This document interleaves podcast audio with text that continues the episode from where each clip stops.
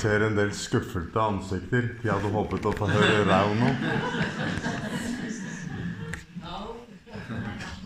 Men sånn kan det være. Men eh, hvis du vil høre Rauno, så er det mulighet i kveld.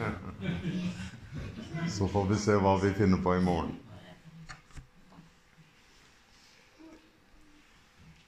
Nå har jeg vært en eh, kristen eh, helt siden forrige årtusen. Så det begynner å bli noen år. Og eh, en ting som har eh, eh, vært foruroligende, det er når jeg tenker tilbake på mange som jeg kjente på 70-tallet, på 80-tallet, som var brennende for Jesus. I dag er de borte. Kjenner du noen slike? Hvor mange av dere kjenner mennesker som en gang var med på veien, men ikke lenger er det? det La oss få se. Det er omtrent alle sammen her. Og, og, og det er i grunnen veldig forunderlig. Hvordan kan folk vende ryggen til Gud?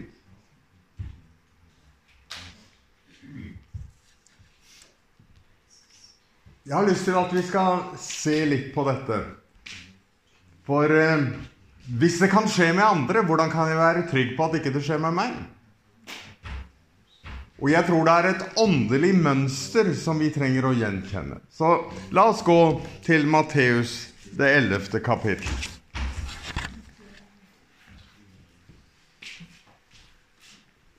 Og det skjedde da Jesus var ferdig med å gi sine tolv disipler disse forskrifter.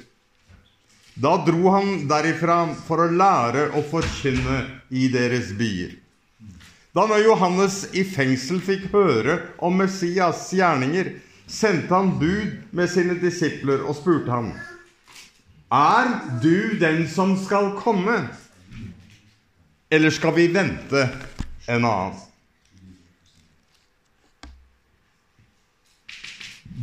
Det er jo en ganske underlig utsagn av døperen Johannes. Men bakgrunnen for dette, det er jo at det i mange år hadde vært en historisk forventning. At en dag så skal Davids rike også. En dag så skal Messias komme. En dag så skal man komme inn i frihet. Det skal være en helt ny epoke i Israels historie. Og, og det er klart at eh, det var mange som så dette i poli, en politisk kontekst. For eh, Israel var jo undertrykt av romerne. Og de så for seg en Messias som skulle komme som en politisk frigjører og eh, gjenreise Israels storhet. Så dette var noe av bakgrunnen.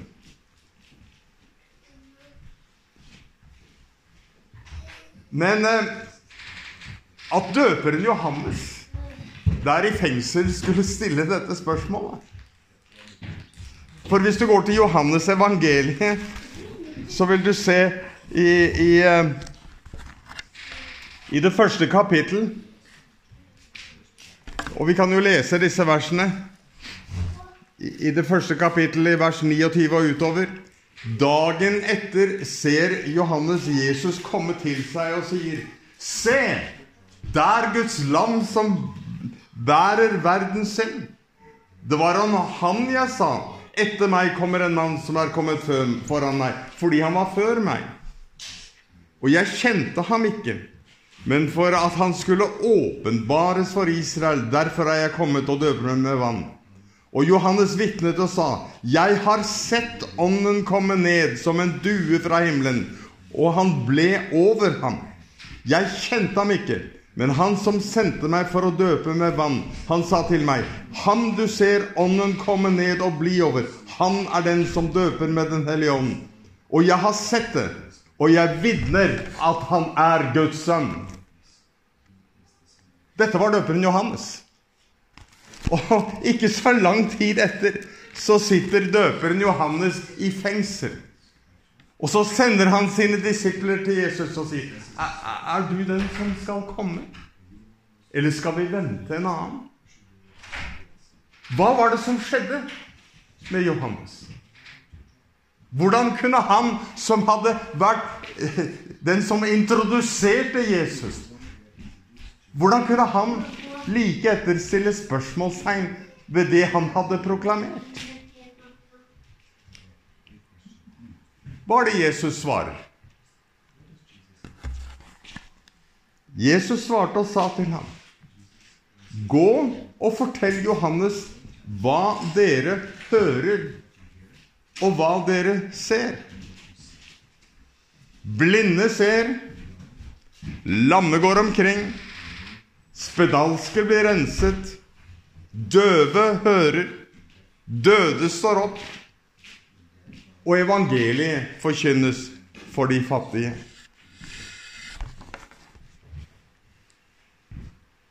Det er ganske interessant hva Jesus her sier. Hvordan var det Jesus behandlet det spørsmålet da han gikk med Emmaus-vandreren? Husker du det? Da står det han begynte med Moses og profetene og utla for dem i alle skriftene det som var sagt om ham. Han brukte Skriften til å bevise at han var den som skulle komme. Men han gjør ikke det med Johannes. I Johannes' tilfelle så sier han Fortell Johannes hva dere ser, og hva dere hører. Blinde, går, blinde ser, lamme går omkring, spedalske blir renset, døve hører, døde står opp, og evangeliet blir kjent for de fattige. Fortell Johannes om det jeg gjør. Hva var Johannes' problem? Han fokuserte på det Jesus ikke hadde gjort. Nemlig at han satt i fengsel. Forsøk å sette deg inn i Johannes' situasjon. Han hadde vært med i denne Messias' forventninger. Og da han proklamerte at Jesus var Messias Hva, hva tror du han tenkte? For Johannes var helt åpenbart eh, farget av den holdningen som var på den tiden, at Messias skulle være en frier, også en politisk frier. Og kanskje han tenkte at du verden, nå skal Jesus gjenreise Davids rike. Og jeg som en slektning, jeg vil vel sikkert få en plass ved kongens bord. Han hadde forventning om hva som skulle komme. En ny storhetstid for Israel. En tid hvor det romerske åket skulle være kastet av dem. Men det, det gikk ikke slik. Han endte opp i en fengselscelle. Det som han hadde håpet det, det skjedde ikke. Og Jesus pekte da på det han gjorde, hans sine gjerninger, og så legger han til noen ord til Johannes i vers 6. Og velsignet, salig er den som ikke tar anstøt av meg. Velsignet er det mennesket som ikke tar anstøt av meg.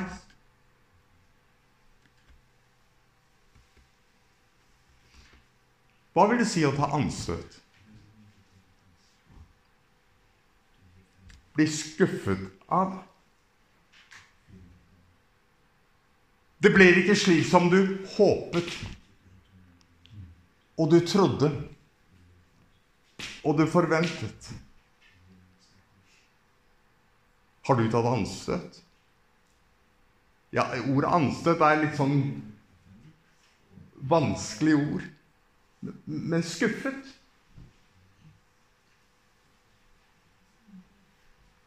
Fornærmet. Har du blitt skuffet av Gud. Løfter som du mente du hadde fått, som ikke er gått i oppfyllelse.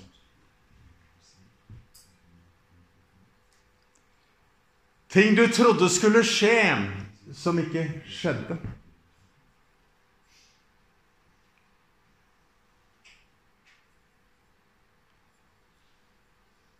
Du ba om helbredelse, men den kom ikke.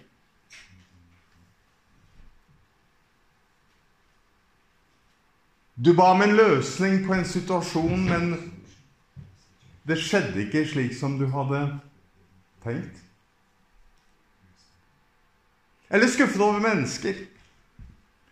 Du ble sviktet. Du ble såret. Du ble behandlet dårlig. Eller, eller eh, skuffet over omstendigheter. Livet ble ikke sånn som du hadde tenkt det. Og du verden hvor mange mennesker som jeg møter, som kommer litt opp i årene. Og livet ble ikke sånn som de hadde håpet. Det ble ikke sånn som de hadde tenkt. Og de er skuffet. De tar anstøt. De, de trekker seg. Det blir nesten som en, en skiflyver som midt i svevet bare trekker seg. Og da går det rett ned. For anstøt, det er når Gud ikke lever opp til dine forventninger. Når Gud ikke gjør det som du mener at han burde gjøre, han skulle gjøre.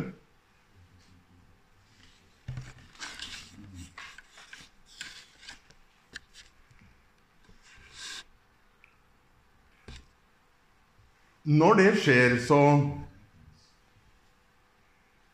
har du en fristelse. Og det er å fokusere på det som Gud ikke har gjort, slik som Johannes gjorde det. Da er det lett å ta anstøt. Ja, jeg tenker på rent personlig. Som en del av dere vet, så har jo min kone vært kronisk syk i veldig mange år. Og går vi 15 år tilbake, så var det veldig kritisk. Hun hadde en hel rekke kronisk invalidiserende sykdommer. Og var faktisk et år hvor hun var sengeliggende mesteparten av tiden. Og hun kunne ikke gå uten støtte fra soverommet til stua. Og det som gjorde at jeg kunne reise, var at min mor bodde ved siden av. Og hun var sykepleier, så hun kunne, hun kunne ta seg av, av, Margaret når jeg var ute. Og vi hadde da en jente som uh, var født i 87, som uh, som eh, måtte være med meg på mange turer, for Margaret kunne ikke ta vare på henne når jeg var borte. Så vesle Rebekka fikk jo reise mange steder til Asia og til Amerika og til mange forskjellige steder og fikk lov til å være med pappa, så det var jo fint for henne. Men, men grunnen var jo at Margaret var syk. Og jeg ba. Du verden som jeg ba. Og jeg, jeg tror på helbredelse, folkens. Jeg har faktisk sett mer helbredelse enn de fleste kristne i dette land. Jeg har sett blinde få syn. Jeg har sett døve få hørsel. Jeg har sett lamme reise seg og gå. Jeg vet at Guds løfter, de virker. Jeg vet at Guds rike kommer i kraft. Jeg har sett mye. Og jeg ba for min kone. I løpet av det året så ba jeg for henne hver eneste dag med håndspåleggelse da jeg var hjemme. Men ingenting skjedde.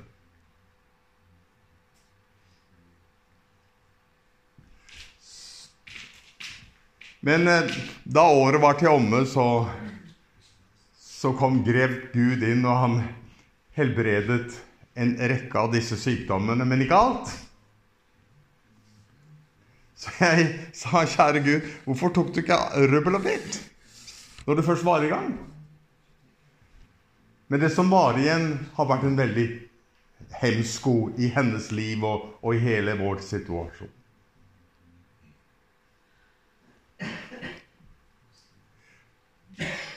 Nå husker jeg da hun var eh, på, som dårligst, at, eh, at eh, Og jeg ba for henne daglig at hun, hun sa Eivind, lov meg en ting.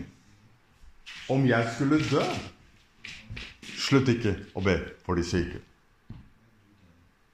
Og På den tiden så var det folk som kom til meg og sa at nå ble hun jo helbredet, hun døde ikke.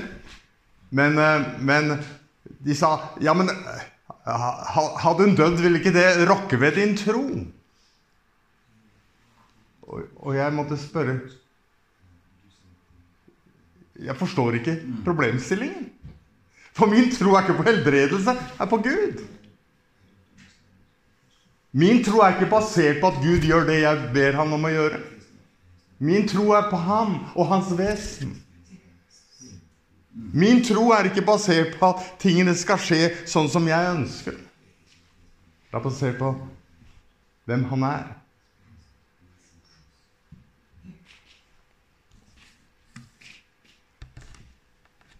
Og som det står i Hebreerne 11, 13 I tro døde alle disse, uten at de hadde opplevd det som var lov. Men de så det, og de hilste det, og de bekjente at de var fremmede og utlendinger på jorden. For de som sier slik, gi til kjenne at de søker et bedre land.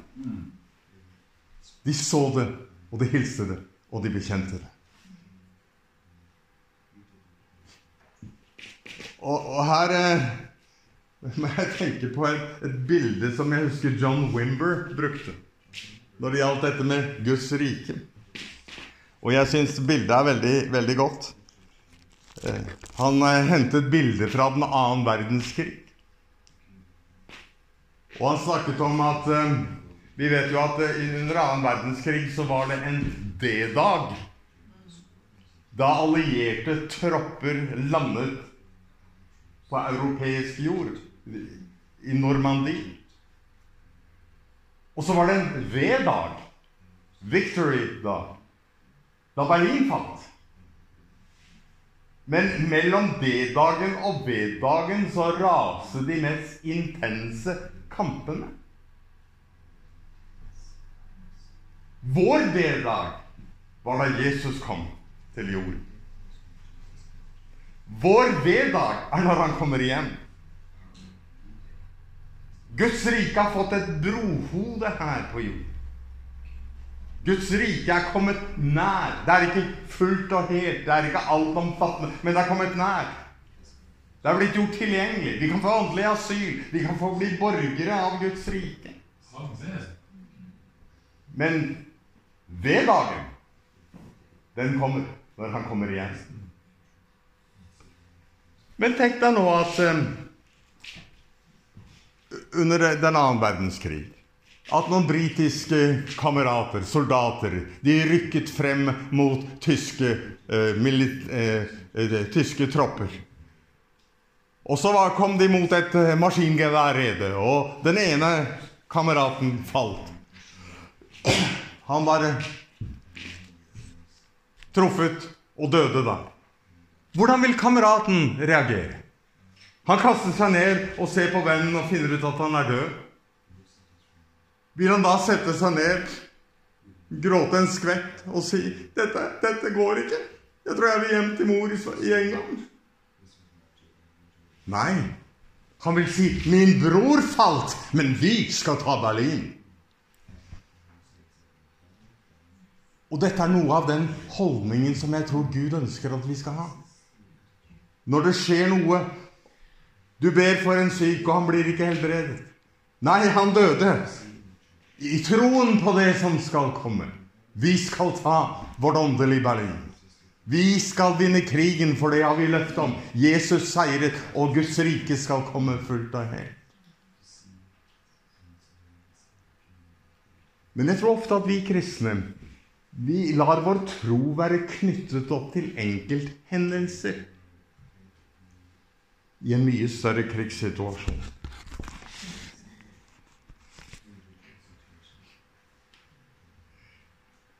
Jeg ser hvordan vi ofte lager teologien. Vi, vi, vi har faktisk Vi lager en teologi basert på det Gud ikke gjør. Har du sett det hvis det er f.eks. siden vi snakker om helbredelse at det er eh, noen som søker forbønn på et møte, og så kommer de å bli bedt for? Hva er ofte fokuset? De som ikke ble helbredet. Og så lager vi en teologi ut fra det. Jeg, jeg, jeg husker eh, for noen år siden da det var en del ungdom som begynte å gå på gatene i, i Oslo og evangelisere. Og det gjorde jeg også i min ungdom. Eh, men eh, det som eh, Dette var omtalt da i, i, i vårt land. Og det som disse ungdommene gjorde Ikke bare evangeliserte, men de spurte om de kunne få be for de, de som var syke på gaten. Og så var det en prest som kommenterte dette. Sa dette synes han ingenting om. For tenk på alle de som ikke blir helbredet. Jeg vet ikke hvordan det er med deg hvis noen kommer til deg. Skal ikke gå til legen, for tenk på alle som ikke blir friske. Vi lager teologi basert på det Gud ikke gjør. Hva var det Jesus sa til døperen Johannes? Fokuser på det jeg gjør!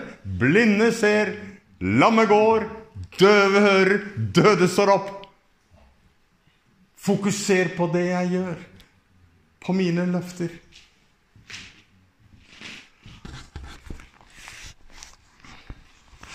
Som det står i, i ordspråkene 4.23.: Bevar ditt hjerte fremfor alt som kan bevares. For livet utgår fra det. Bevar hjertet. Og en skuffelse som ikke blir gitt til Gud, den fører til åndelig sykdom.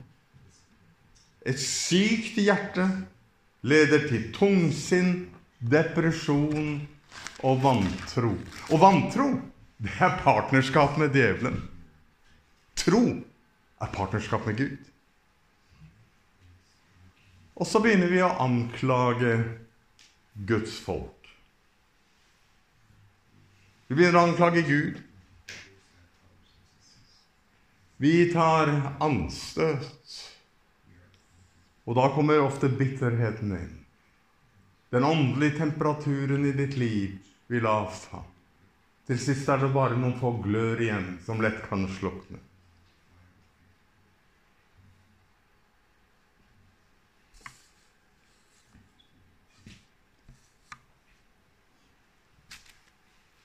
Det blir sånn som da Margaret var på det dårligste.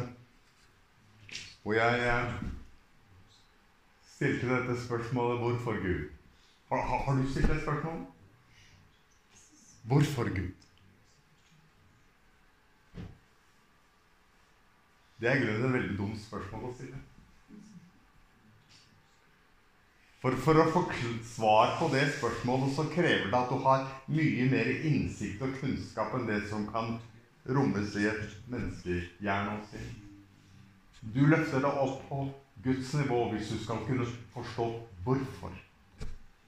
Men jeg husker at jeg hadde sagt til Gud, for jeg var, jeg var uh, sliten av situasjonen. Sa ja, men hvorfor? Hvorfor griper du ikke inn her og gjør det som jeg har veldig lyst på at du skal gjøre? Hvorfor?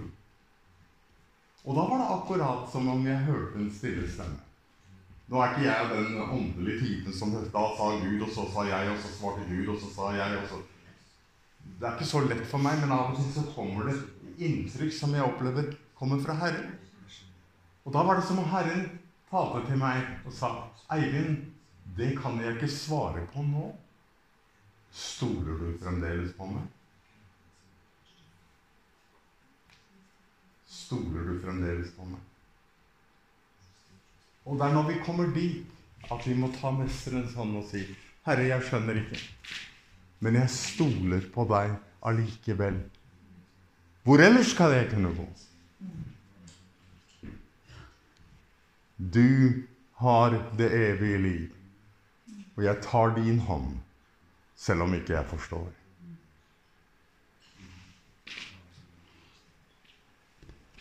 Men er vi inne i dette landskapet, så, så har vi egentlig bare to muligheter.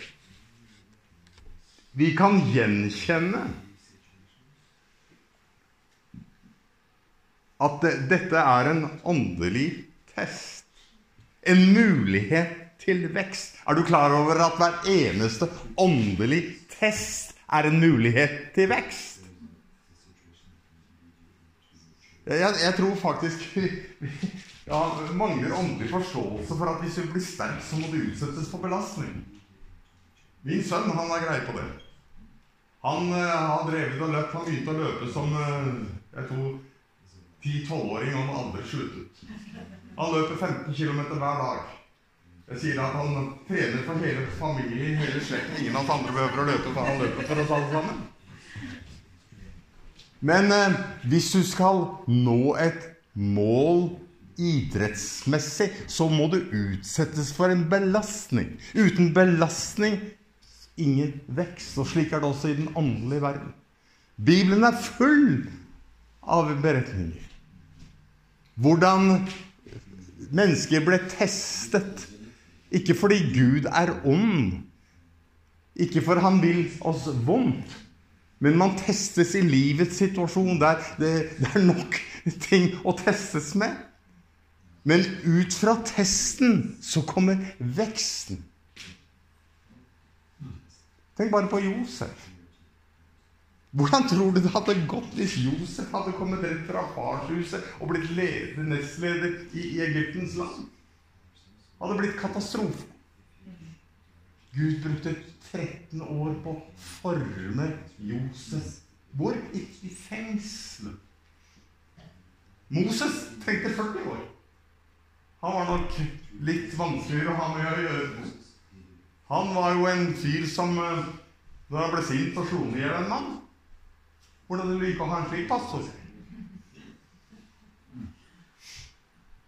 Gud sa Moses, du er ikke rede. Moses sa jo, jeg er rede. Nei, sier Gud. 40 år senere så sier Gud, nå er du rede, Moses. Moses sa nei, jeg er ikke rede. Jo, sier Gud, nå er du rede. Og så står det om han at han var den det mest saktmodige mennesket på jord. Hissigproppen som slo i hjel folk når ble sint, er det mest saktmodige mennesket. Gud hadde formet ham.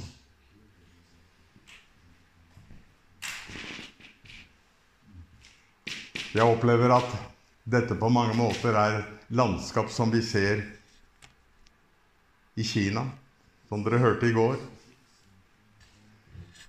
Og jeg husker eh, på en av mine første turer til Kina hvor eh, jeg opplevde dette veldig sterkt, for jeg møtte en, en gammel gudsmann som eh, jeg hadde hørt om og fikk anledning til å møte ham. Satt hjemme i hans lille spartanske hjem etter at husmøtet var ferdig den kvelden, og, og snakket med ham. Han hadde sittet over 20 år i fengsel for sin tro. Han hadde blitt torturert og mishandlet. Et par år før han slapp ut i frihet, døde kona hans. Myndighetene gadd ikke engang å fortelle ham om det. Han hadde ikke fått se, oppleve sine barn vokse opp. Han hadde vært gjennom horrible ting. Og jeg husker da jeg satt og snakket med ham, så er det spørsmål som jeg veldig ofte stiller mennesker som har vært i tilsvarende situasjoner. Er du ikke bitter? Har du ikke tatt anstøt? Er du ikke bitter på mennesker som har stjålet så mange år av ditt liv? Jeg kommer fra Norge og vet at det er ikke så mye som skal til før man blir sur og grinete og vanskelig å ha med å gjøre. Hvis pastoren glemmer å hilse på deg en søndag formiddag, eller hvis ikke du blir invitert i et selskap hvor du mente du var selvskreven, så går du ned i den emosjonelle kjelleren og blir vanskelig å ha med å gjøre i flere uker. Så jeg syns det var et godt spørsmål. Jeg glemmer det aldri.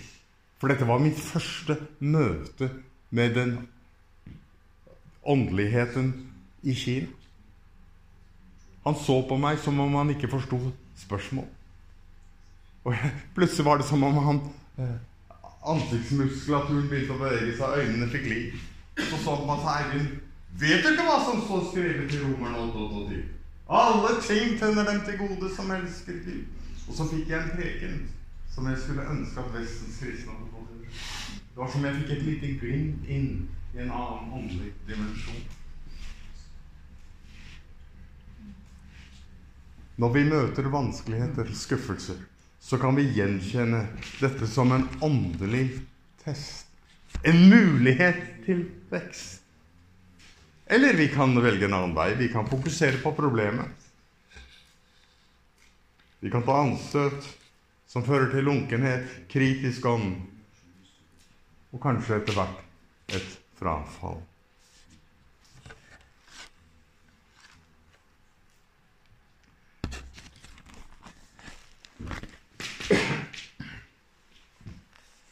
Jeg har lyst til å bare nevne et ek eksempel fra Det gamle testamentet. Det er eh, David. Tenk deg David. Han fikk jo etter sin død Og, David var ikke alltid snill gutt. Han gjorde en del ting som ikke var helt bra. Men allikevel, etter sin død, så gir Gud ham dette vitnesbyrdet. Jeg fant David, Isais sønn, en mann efter mitt hjerte. Og det gir jo håp for noen enhver av oss. Uansett hva vi har som bagasje i våre liv. Hvis David kunne få det vitnesbyrdet, da er det jo håp for oss også. Jeg fant David, Isais sønn, en mann efter mitt hjerte. Og La oss ta en titt på bare noe i Davids liv. Vi vet at um, David ble salvet til konge. Men så gikk det 13 år før han kom til sin kongens Og i løpet av disse 13 år så måtte han flykte for kongshaug, som sto han etter livet. Han levet ute i ødemarken. Han hadde svært primitive forhold. Hvorfor? Jo, for Gud ønsket ikke Saul den annen. Han ønsket David den første som kom. Og der ble David forvandlet. Og så ser vi når han var ute i ødemarken. Og det er jo interessant. For um, så, i, i, kapittel 22 i første Samuels bok så dro David bort derfra og flyktet til hulen i Adullam. Da hans brødre og hele hans fars hus fikk høre det, dro de dit ned, til ham. Og så står det Og alle som var i nød, eller som var trykket av gjeld, eller som var misfornøyde, samlet seg om ham. Han ble deres høvding. Kjære vene, hva slags folk var David omga seg? Tenk, du skal plante en menighet. Og hva slags folk er det du samler? Jo, du samler alle som er trykket av gjeld. Folk som har skyldes masse, masse penger. Kom. Misfornøyde. Alle misfornøyde, kom hit. Alle som var i nød. En gjeng tapere kom rundt David. Men i nærvær av David så ble de til the mighty men of David. Altså Davids mektige menn. De ble forvandlet under Davids lederskap. Og så ser vi, hvis du går til det 30. kapittel, som kanskje var eh, Davids eh, vanskeligste situasjon. Vi, vi, skal ikke lese beretningen, men, men eh, David var da i en situasjon Han var i, i, i det, Den største vanskeligheten var i, i byen Siklag. Han var da forkastet av Saul. Han var forkastet av Israel, selv om han var deres rettmessige konge. Selv Israels fiender forkastet David. Og så hans egne menn. De ville stene ham.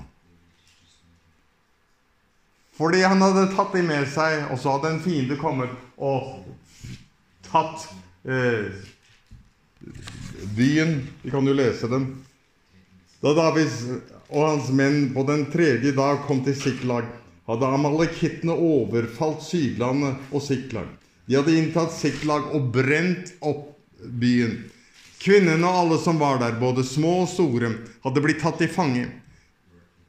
De hadde ikke drept noen, men de hadde ført dem bort og var dratt sin vei. Og da David og hans menn kom til byen, fikk de se at den var brent opp, og deres hustruer og sønner og deres døtre var tatt til fange.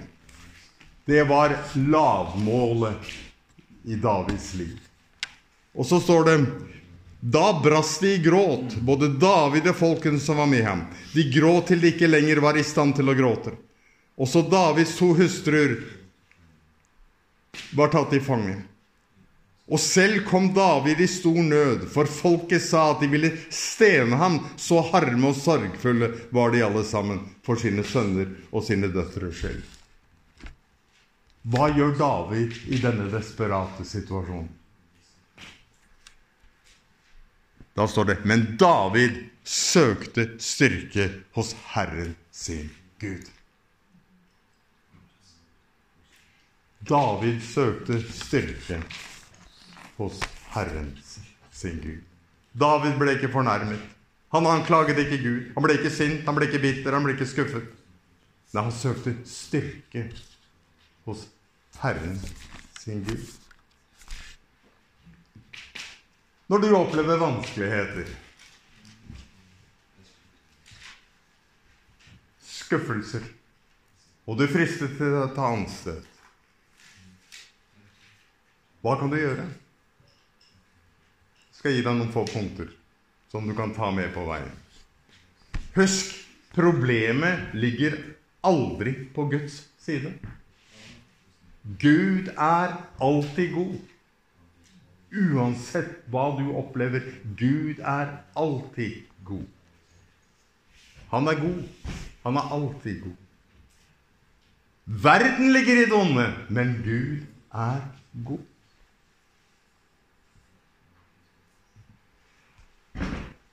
Nummer to gi opp retten til å forstå. Still ikke spørsmålet 'Hvorfor Gud?' og krev svar.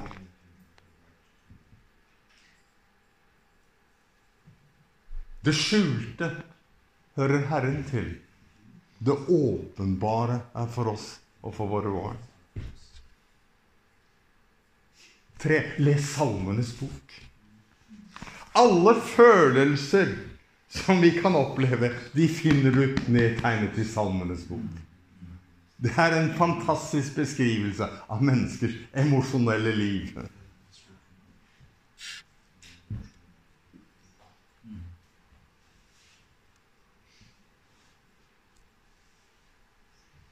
Fjerde begynn å pris og takk Gud midt i vanskeligheten. Ja, men jeg føler det ikke. Det står ikke at du skal føle. Men det står at du kan prise. Du kan takke Gud. Takk Gud for at du har kontroll.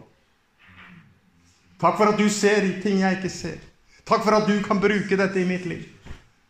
Takk at du kan bruke dette for å bringe meg videre på veien sammen med deg. Pris og takk Gud. Og det er kanskje en av de største hemmeligheter jeg har lært av de kristne i Kina. Hvordan de takker og priser Gud midt i de mest håpløse situasjoner.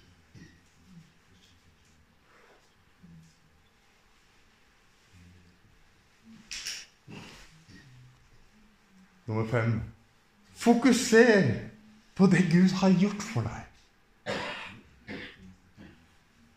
Tenk på alle de tingene, alle velsignelser som Gud har gitt deg opp gjennom årene. Gå tilbake og minn deg på de tingene og begynn å takke Gud for hver enkelt ting. Så skal du få merke at det skjer noe inni deg. Og da vil du oppleve at det som skulle være snublesten, det kan bli til trappetrinn i sted Og bringe deg høyere.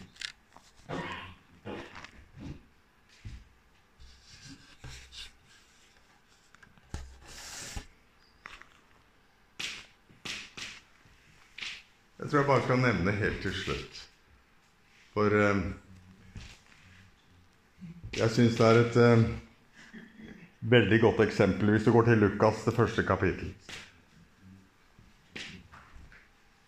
Så ser du engelen Gabriel kom til Sakarias.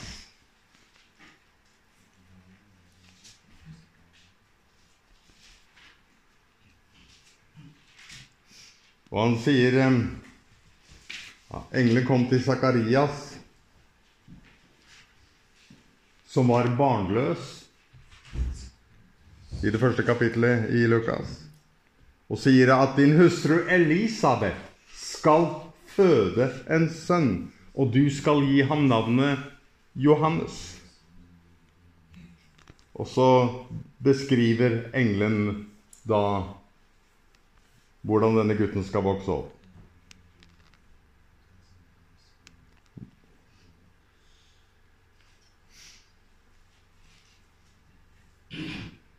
Men så svarer Sakarias når han får løftet Han er jo langt opp i årene, og likeså hans kone. Så sier han, 'Hvordan skal jeg vite dette?' Jeg er jo gammel, og min hustru er kommet langt opp i årene. Hvordan skal jeg vite at det du taler, er sant?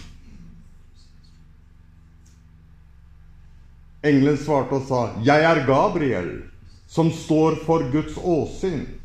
'Og jeg er sendt for å tale til deg og bringe deg dette gledesbud.' 'Se, du skal bli stum og ikke kunne tale før den dag dette skjer, fordi du ikke trodde mine ord, som skal bli oppfylt i sin tid.' Sakarias stilte spørsmål. Hvordan skal jeg vite at du taler sant? Men like etterpå så kommer Gabriel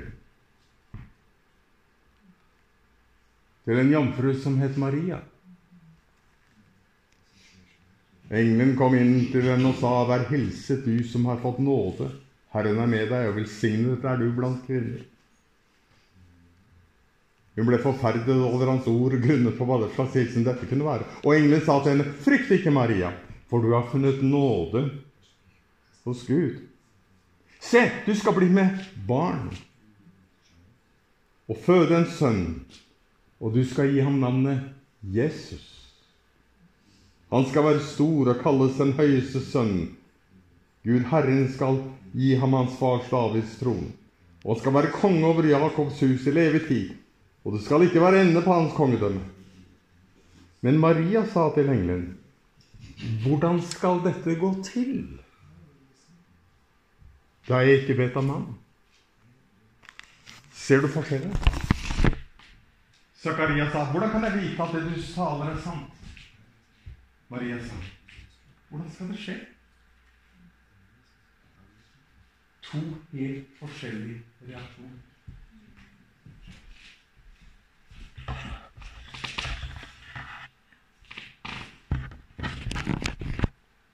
Når vi møter vanskeligheter og problemer, som vi alle gjør, hvordan reagerer du?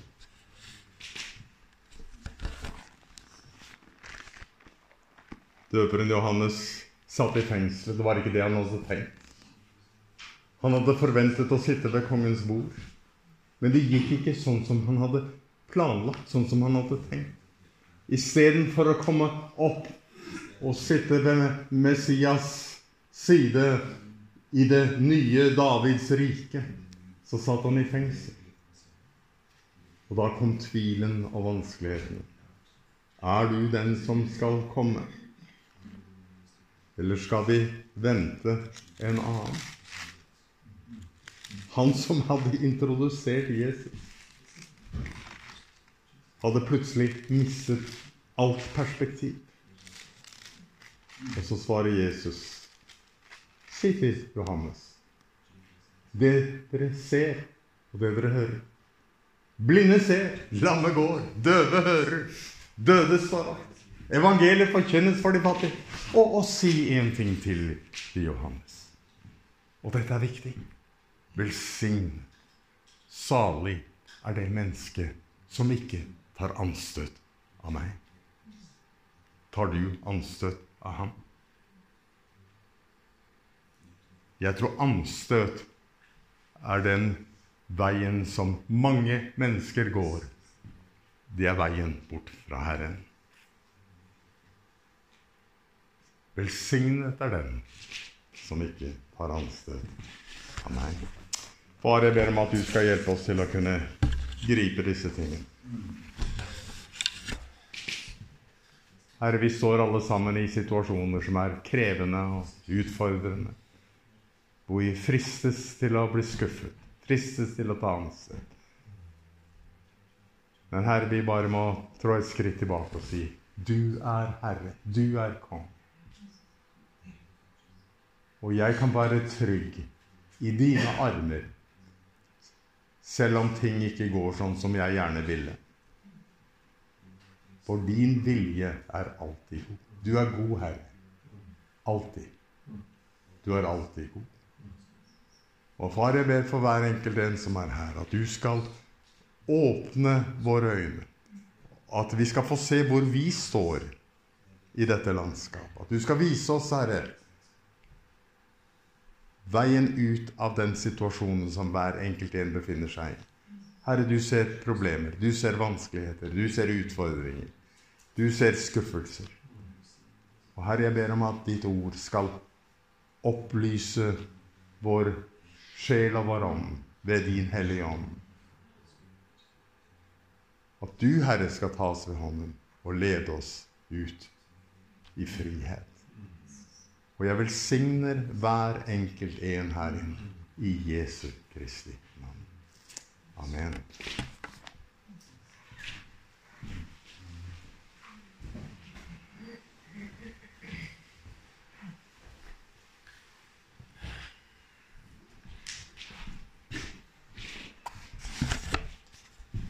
Gud er alltid god. Gi opp retten til å forstå. Takk og pris Gud. Og så tenker jeg, så tror jeg det eneste jeg ikke fikk med meg, men man får fokusere på det som Gud har gjort.